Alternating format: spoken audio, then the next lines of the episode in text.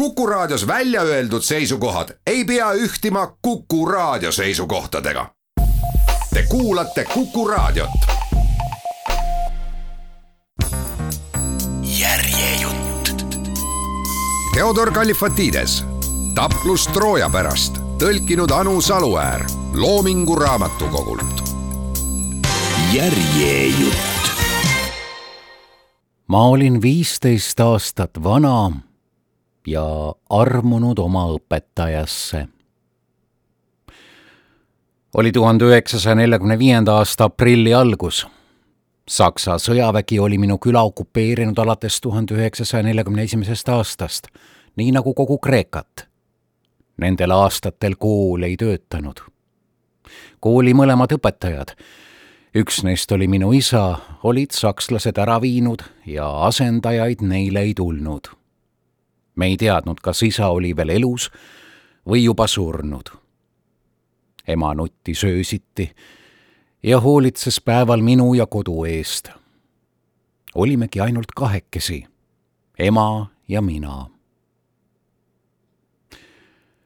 vahetevahel andis üks pensionil olev advokaat ajaloo ja kreeka keele tunde. mitte koolimajas, sest selle olid sakslased kasarmuks muutnud tulime mõnikord kokku tema kodus, aga sagedamini õhtupoole pärast siestat tema kohvikus kirikuplatsil, kui advokaat katsus endale uuesti eluvaimu sisse saada mitme tassi kohviga, mida ta jõi raskelt, ilma mullita.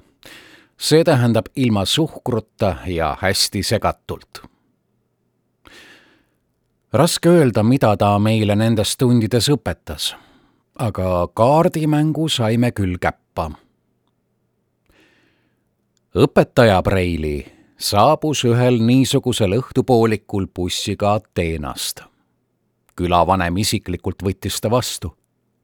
naine oli noor, peenike nagu valguskiir, olgugi et pealaest jalatallani mustas. ma armusin silmapilkselt kõlagu see nii veidralt kui tahes. see oli meie uus õpetajanna. hea märk. elu pidi jälle normaalseks muutuma. aga mitte kõikide jaoks. minule tähendas see, et isa ei tule arvatavasti enam kunagi tagasi ja ma valmistusin veel rohkemateks uneta öödeks, kui ema nuuksub kõrvaltoas minu ainus lohutus oli õpetaja Preili. ma ei saanud tema vaatamisest isu täis. ta oli väike, tumedat verd, põlevate silmadega ja kaunite kätega, mida ta liigutas palju ja meeleldi. ametlikult nimetasime teda Preiliks ja ebaametlikult nõiaks kuna küla kurjad ja peksukartlikud koerad lõpetasid teda nähes klähvimise. muidu haukusid nad isegi omaenda varju peale. diagnoosi pani minu lapsepõlve mängukaaslane Dimitra. ta on nõid, ütles ta. nagu öeldud, oli aasta tuhat üheksasada nelikümmend viis. teine maailmasõda lähenes lõpule Saksa sõjavägi taganes kõikidel rinnetel, aga meie ei teadnud sellest midagi ja külaelu jätkus nagu harilikult. Saksa sõdurid ei olnudki enam nii väga võõrad ja iga päevaga jäi neid aina vähemaks.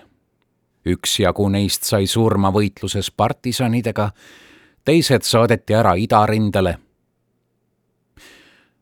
Saksa kapteni loal peeti koolitunde nüüd koolimajas, mis asus külast natuke eemal. sealt kõik algaski. oli päikseline päev. aknad olid lahti. me nägime mänglevas tuules Saksa lippu kergelt lehvimas.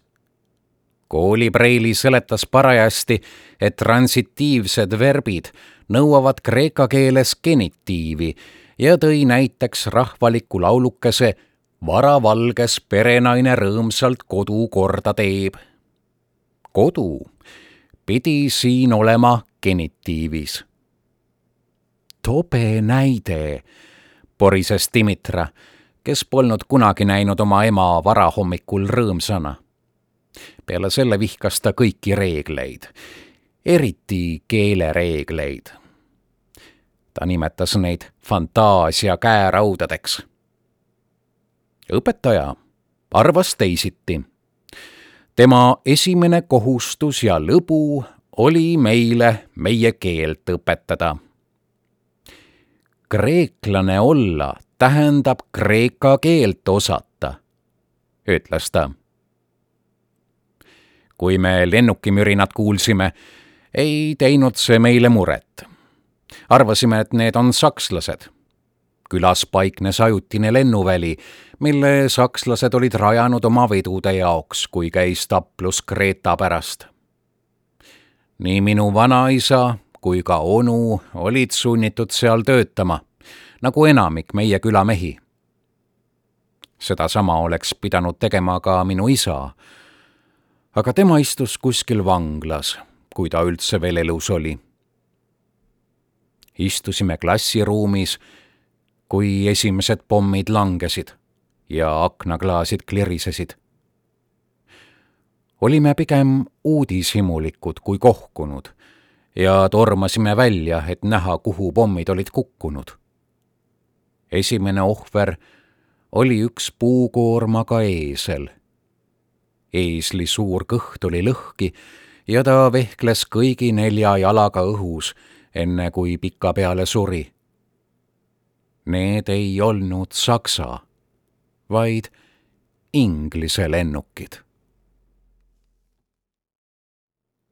järgmine pomm kukkus kooli primitiivse välikemmergu peale.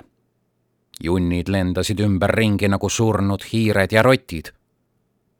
õpetaja, kes oli meiega koos välja tulnud, hüüdis, et kui me ei taha surma saada, peame koopasse varju jooksma. me ei tahtnud surma saada. koobas oli koolimajast paarsada meetrit eemal, jäärakus, mis küla läbi lõikas see oli meile tuttav koht. mängisime seal ikka sulisid ja võmme ja muid mänge ja vahel luurasime armastajapaare, kes sinna peitu läksid. meie klassis oli kuus poissi ja üksainus tüdruk, Dimitra. nii et kokku oli meid seitse. hea arv, ütles õpetaja. jumal lõi maailma seitsme päevaga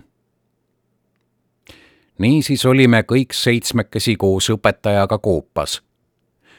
seal oli kitsas, pime, niiske ja seal kubises lutikatest ja muudest mutukatest. istusime tihedalt puntras. Ma istusin Dimitrale päris lähedal. õpetaja istus meie vastu, koopa sissepääsu ette väljast langes temale valgust ja ta nägi välja nagu üks külakiriku rangetest inglitest. pommid muudkui langesid. kuulsime plahvatusi, lennukimürinat ja saksa sireeni. kiriku kellamees kasutas juhust ja lõi häirekella. talle meeldis häiret anda ka enne sõda, kui suviti puhkesid orus iseeneslikud tulekahjud sellega sai tema elu nii-öelda mõtte, olgugi et ta lõpuks ise kurdiks jäi. õpetaja jäi rahulikuks ja ootas, kuni ärev sumin vaibus. kuulge, see võib kesta tükk aega. mul ei ole midagi selle vastu sellest ajast peale, kui ma ülikoolis õppisin, olen ma sellest unistanud et klass oleks ainult minu päralt. siin koopas pole mitte midagi teha, mitte midagi näha. oleme ainult teie ja mina. Dimitral oli õigus. õpetajanna oli nõid. silmad harjusid hämarusega. me hakkasime üksteist nägema ja me kõik nägime õpetajat, kui ta seisis meie ees oma lühikeste varrukatega mustas kleidis ja tema ilusad valged käsivarred liikusid nagu kajakatiivad. kui mina teievanune olin ja käisin gümnaasiumis, tuli ühel päeval kooli üks vana mees ja luges meile valjusti ette Iiliast, millest te võib-olla olete kuulnud. see räägib sõjast, mida kreeklased ehk ahhailased, nagu neid tol ajal nimetati, pidasid Troojaga, mis oli üks linn teisel pool Egeuse merd. see vana mees, kes meie juurde tuli, oligi ameti poolest ettelugeja, rapsood.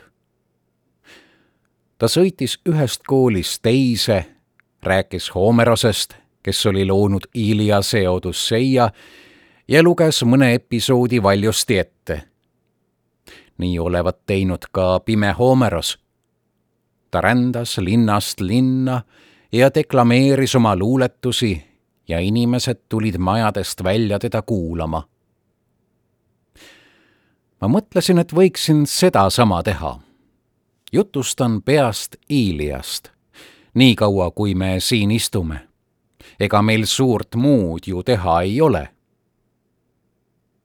see oli tõsi meil polnud koopas suurt muud teha, kui ennast lutikate ja teiste mutukate eest kaitsta. millal see sõda oli? küsis Dimitra. mitte eile. Rohkem kui kolm tuhat aastat tagasi, vastas õpetaja. Dimitra ohkas. no on alles põnev. õpetaja ei solvunud tõesti ei tundunud eriti põnev. aga meil polnud seal koopas suurt midagi teha ja õpetaja hakkas jutustama. Päike paistis ahhailaste laagri peale. Nende meeled polnud aga sugugi päikeselised. Nende vastas kõrgusid Trooja võimsad kaunid müürid. varsti juba kümme aastat olid nad neid rünnanud. palju häid mehi oli mõlemal poolel karmides lahingutes tapetud. aga otsustav lahing oli pidamata. Troojalased võitlesid oma elu nimel. ahhailased oma au ja kuulsuse nimel. Need ei kaalunud võib-olla ühepalju vägi oli ära kurnatud. mehed igatsesid perekondade kodu ja põldude järele. koduigatsus ei ole vahest haigus, aga see kulutab inimest nagu mõni tõbi. Mehed jäid aina kõhnemaks, nende silmad vajusid auku, põsed samuti. Nad kaotasid hambaid ja nende suud kadusid vuntside alla.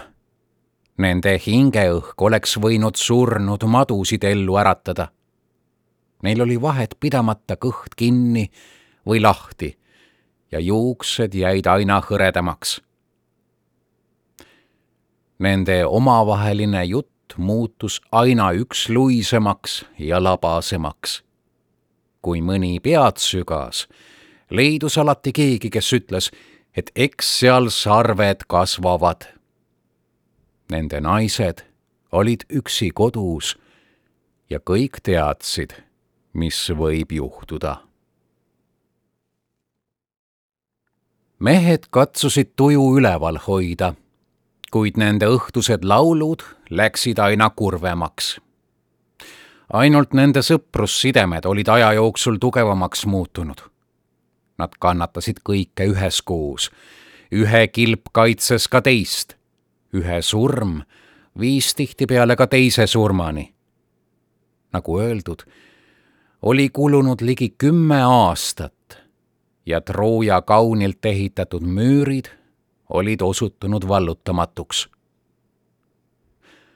troojalastel oli kõik hoopis teisiti.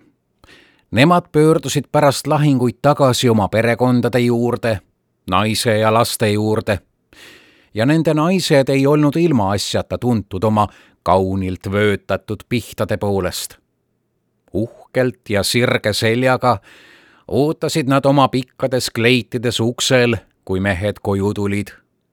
Marmorvannidesse oli soojendatud mägiallikate vett, naised pesid meestelt maha tolmu ja higi ja verepritsmed. mehi hellitati, suudeldi ja armastati. niiviisi olid nad vastu pidanud piiramise kümme aastat ja nad oleksid suutnud vastu pidada veel kümme aastat. Üks asi on võidelda kodus ja hoopis teine asi võidelda võõral maal. küsimus ei olnud enam selles, kui kaua suudab Trooja vastu pidada ahhailaste piiramisele, vaid kui kaua suudavad piirajad piirata. teiste sõnadega, nende juht Agamemnon teadis, et midagi tuleb ette võtta. Aga ta ei teadnud, mida teda vaevas kahtlus, mida ta ei sööndanud iseendalegi tunnistada. igatahes oli ta kõik teised kuningad ja väejuhid oma telki kokku kutsunud. ka neil teistel oli kahtlusi. igaühel olid oma põhjused. Nende hulgas oli vaevalt kedagi, kes ei olnud nende üheksa aasta jooksul üht või mitut häbiväärset tegu teinud. selja tagant tapnud, vaeseid talupoegi riisunud naisi ja lapsi röövinud. Nende hingel aastas sügav kahtlus, kas see sõda oli õiglane. kas nad pidid Trooja verre uputama ainult sellepärast, et paaris, linna kuninga Priamose poeg, oli võrgutanud või röövinud Helena? Helena oli muidugi kõige kaunim naine, kes kunagi oli olnud teda peeti kaunimaks isegi armastusjumalannast Afroditest. sada üheksateistkümmend kosilast üle maailma oli tal kosjas käinud ja tema isa ei sööndanud ühtegi neist välja valida, sest kartis, et sellest saab kõikide sõda kõigi vastu. nii et ta jättis otsuse tegemise Helena hooleks ja nõudis samal ajal kõigilt kosilastelt lubadust et ükskõik kelle abikaasaks Helena saab, peavad kõik teised teda kaitsma. ja kui keegi rööviks Helena tema kodust ja tema mehelt, peaksid kõik teised üheskoos sõtta minema, vallutama süüdlase linna ja tegema selle maatasa, olgu ta siis kreeklane või barbar nii saabus see suur päev, kui Helena valis oma abikaasaks Sparta kuninga laiaõlgse Menelaose. tal oli käes varajastest kevadlilledest pärg. ta läks mehe juurde ja pani pärja tema heledatele juustele. sellest sai igas mõttes õnnistatud abielu.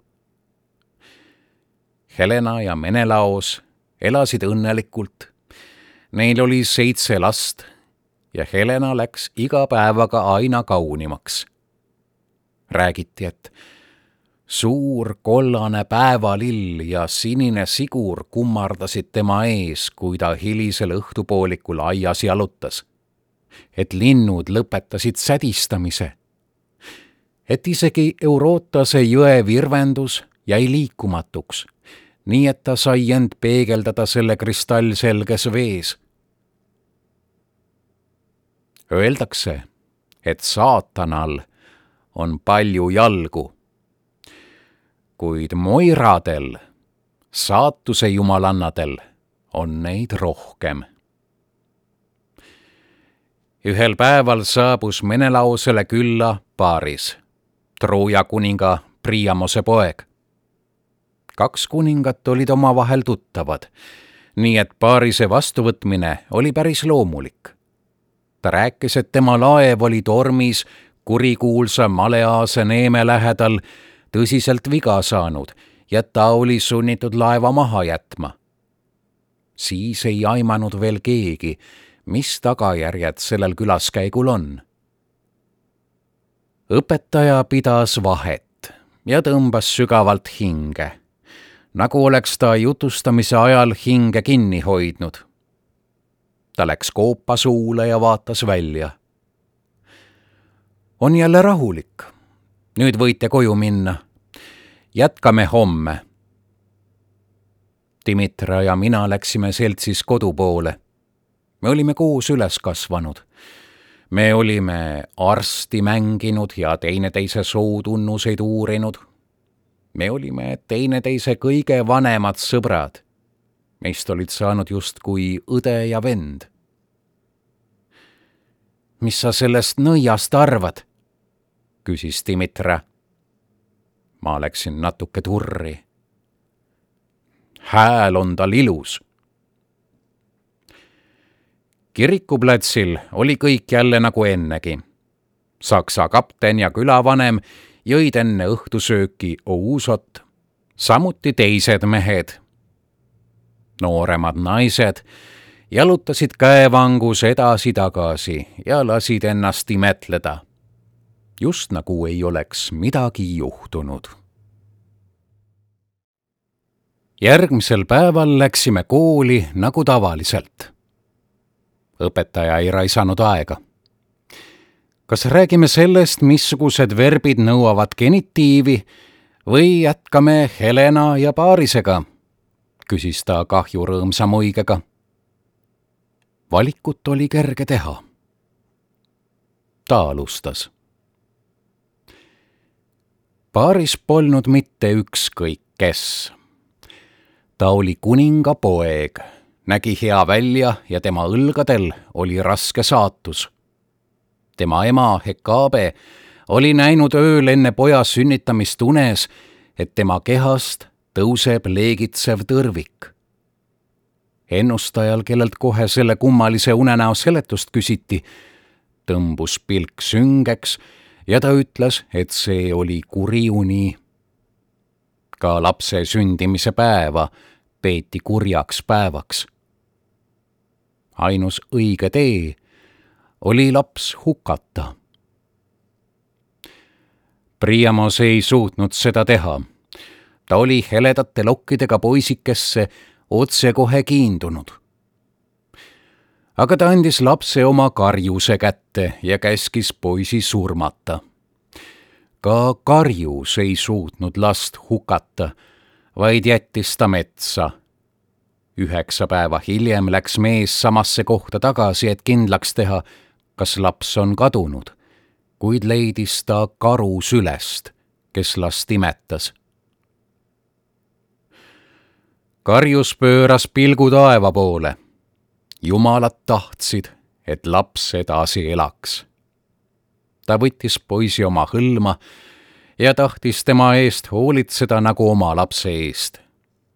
Priamosele viis ta koera keele tõestuseks, et laps on surnud ja kuninga käsk täidetud. aastad läksid ja paarisest kasvas erakordselt kaunis nooruk ning levis kuuldus, et ta ei olnud karjuse poeg, sest too sarnanes välimselt rohkem kitsedega, keda ta karjatas. ühel päeval möödus sealt noor kuningatütar. tema nimi oli Cassandra ja ta oli Priamose uhkus ja silmatera. peale selle oli ta saanud jumal Apollonilt ande ja needuse näha seda, mida keegi teine ei näinud ja ta nägi, et see ilus nooruk on tema vend. üheskoos läksid nad isa paleesse, kus pidutseti kolm päeva. seda jutustas Paris Helenale õhtuti, kui nad omavahel olid. Helena tundis huvi ja tahtis rohkem teada. Ta tahtis kõike teada. see on ikka nii, kui naine hakkab armuma ja paaris jutustas edasi oma linnast, millel on kaunid müürid ja laiad tänavad, naiste ilust ja oma esimesest armastusest, nümfist, kes oli korraga ennustaja ja ravitseja. kui paaris ta maha jättis, ei tundnud nümf kibedust. Ta ütles ainult, et kui paaris ükskord tõsiselt haavata saab, otsigu ta teda üles sest ainult tema saab ta elu päästa. ta pidi sind väga armastama, ütles Helena. kuidas sa võisid ta maha jätta? paaris kehitas õlgu, nagu ei läheks see talle korda, kuid mõtles siis ümber. ei ole kerge armastada surematut, kes iial ei vanane, kellel kunagi midagi ei valuta, samal ajal kui sa ise tead, et pead ühel päeval surema ja sind asendavad teised. kui näed oma keha kokku kuivamas, kaotad juuksed, tahtmise ja jõu. mina tahan naist, kes saaks minuga koos vanaks, kes kaotaks minu või kaotaksin mina tema. Armastus ilma valuta ei ole midagi. nii ta ütles ja Helena magas tol ööl väga rahutult. tal oli menelaosega hea elu ja Spartas ei tundnud ta end halvasti. aga paarise kurblik leebe pilk oli temas midagi äratanud, mida menelaos kunagi polnud teinud. Unistuse teisest elust, eemal Sparta tolmustest teedest ja spartalaste teravatest ja nõudlikest pilkudest. eemal Menelaose vaikimisest. mees ei ütelnud kunagi midagi, mis polnud vältimatult vajalik. õrnu vaikseid armusõnu hoidis ta oma lahingu hobustele. lühidalt, Helena oli armunud. see oli õnnistunne kui ta paarist nägi, tantsisid tema rinnas sajad liblikad. tema mees Menelaos, kelle ta ise oli valinud, oli paljudest tugevam, kuid teda oli kasvatatud sõdima, mitte öösiti üleval istuma ja naisega tasakesi juttu ajama. Kes võis Helenale midagi ette heita? kes võis paarisele midagi ette heita? õhtu õhtu järel olid nad koos. üks asi viis teiseni ja ühel ilusal päeval võttis Helena kaasa oma pulmakingi ja suure osa oma rikkalikust kaasavarast ning järgnes paarisele. sellest sai alguse sõda, mis kestis kümme aastat. kahe armastaja kuritegu ei olnud väike. Kreeka kuningad Agamemnoniga eesotsas olid tõotanud toetada vend Menelaost, kes tahtis oma naist tagasi saada ja karistada seda, kes oli naise röövinud. Menelaos nimelt uskus, et paaris oli sundinud Helenat endaga kaasa minema. Ta ei suutnud ette kujutada, et Helena oleks võinud tahta teist meest alguses läks neil halvasti. kreeklaste ühendatud laevastik seisis väikeses kaljuses sadamalinnas Aulises paigal. kuude kaupa ei olnud tuuleõhkugi. puude lehed ei liikunud. kreeklased ohverdasid ühe härja teise nimel ja hulga lambaid, palvetasid ja palusid tuult aga purjed ripendasid nagu eeslikõrvad ei jäänud muud üle, kui kutsuda kohale vana ennustaja Kalkhaas. tema nõuanne oli lihtne. ohverdagu Agamemnon oma armastatud tütar Ifigenia. aga Agamemnon tõrkus. teised ründasid teda, eriti Odüsseus ja Menelaos. kas me peame ühe tüdruku pärast aastateks siia paigale jääma? aga Memnon andis järele ja kutsus Ifigenia Aulisesse, ettekäändel, et ta kihlatakse Achilleusega, suurimaga kõikidest sangaritest. ja võib ette kujutada, kuidas kuueteistkümneaastase tüdruku süda rinnus hüppas, kui ta seda kuulis. Kõik tüdrukud unistasid sellest kauni kujuga, heledapäisest noorest mehest, kellest räägiti, et ta oli merejumalanna poeg Ifigenia ei aimanud midagi halba. teekond Mükeenest Aulisesse võttis aega paar nädalat ja terve tee unistas ta eesootavast elust. võib ka ette kujutada, missugune oli tema meeleheide, kui isa ta omaenda kätega ohvrialtarile viis, ise samal ajal suuri pisaraid valades.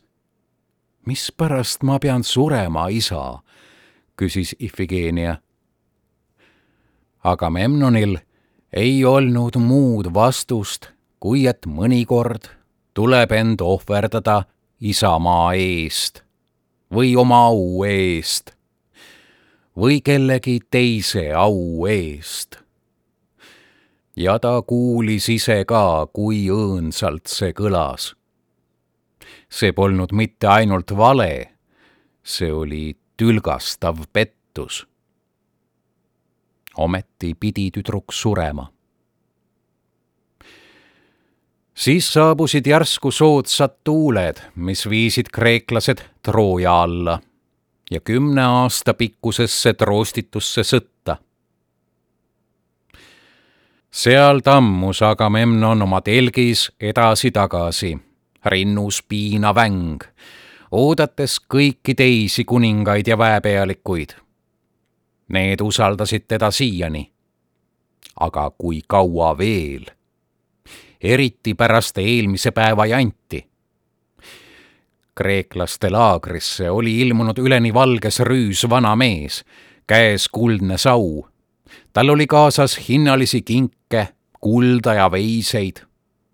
see polnud mitte ükskõik kes, vaid ülempreester päikesejumala Apolloni võrratustemplist kõrgel mägedes mehed kogunesid kohe tema ümber parve Nad teadsid, milles oli asi.